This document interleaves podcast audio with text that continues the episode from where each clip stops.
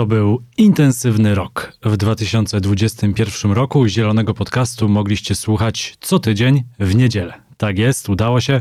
Powstało 51 odcinków. Pod koniec roku rozmawialiśmy dużo o szczycie klimatycznym w Glasgow, ale wcześniej były i recenzje książek, to latem, i rozmowy o energetyce, samochodach elektrycznych, o branży mody, o systemie kaucyjnym czy o naszych codziennych wyborach. Zielony Podcast w tym roku najczęściej odwiedzali aktywistki i aktywiści młodzieżowego strajku klimatycznego. Nie zabrakło też znanych nazwisk, jak Janina Ochojska czy Jerzy Buzek, osób, o których w życiu publicznym usłyszymy jeszcze sporo, m.in. Zuzanna Rudzińska-Bluszcz i przede wszystkim ekspertki i eksperci.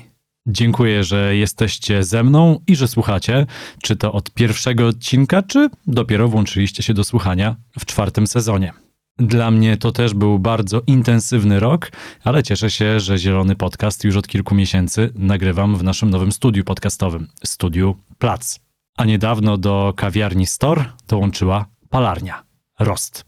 Czwarty sezon Zielonego Podcastu trwa. Za tydzień, czyli już w 2022 roku, gośćmi będą Justyna Piszczatowska z serwisu greennews.pl i Patryk Strzałkowski z gazety.pl.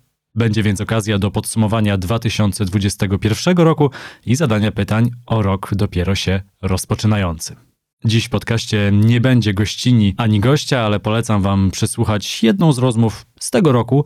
Na pewno któryś podcast mógł Wam umknąć. I mam też małą prośbę.